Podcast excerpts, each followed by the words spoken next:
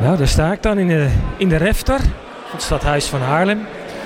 En uh, er is zojuist een, uh, een prijs uitgereikt. Voor mij uh, staat Sander van der Raad van Trots Haarlem.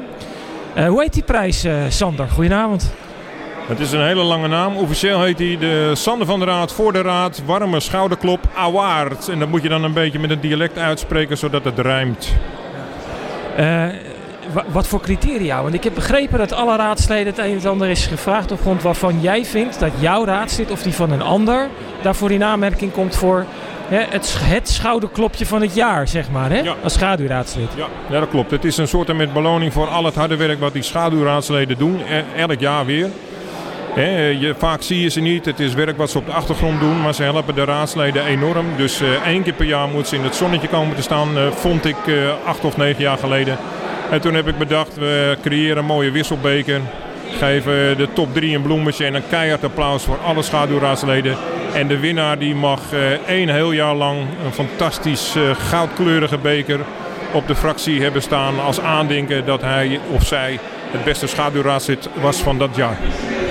Sander, jij zei iets heel belangrijks. Hij zegt het werk van een raadslid, in dit geval van schaduwraadsleden, is zwaar onderschat werk. Ligt dat eens toe? Nou ja, kijk, wij, wij als raadslid, uh, daar krijg je nog een uh, vergoeding voor. Hè? Je krijgt een vergoeding voor het uh, aantal uren dat je niet naar je normale werk zou kunnen gaan. Hè? Mensen denken altijd dat dat zo'n berg geld is dat je daar enorm je zakken van kan vullen. Ik heb wel eens uitgerekend dat er net zoveel is als de bezorger van een pizza. maar schaduwraadsleden die krijgen alleen maar een vrijwilligersvergoeding. En ik ben zelf ook een tijd schaduwraadslid geweest. En toen draaide ik ook gewoon 20 tot 25 uur in de week. Nou, dan uh, die, die, 150 euro per maand. Uh, destijds nog 125 euro per maand. Ja, dat is dan uh, ongeveer een, een, euro per uur wat je dan zit. Dus dan mogen ze wel één keer per jaar keihard door alle raadsleden in het zonnetje worden gezet.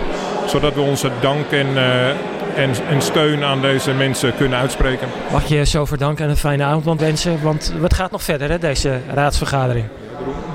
De pauze is nu voorbij, dus we gaan weer verder met de stad besturen. Succes Sander.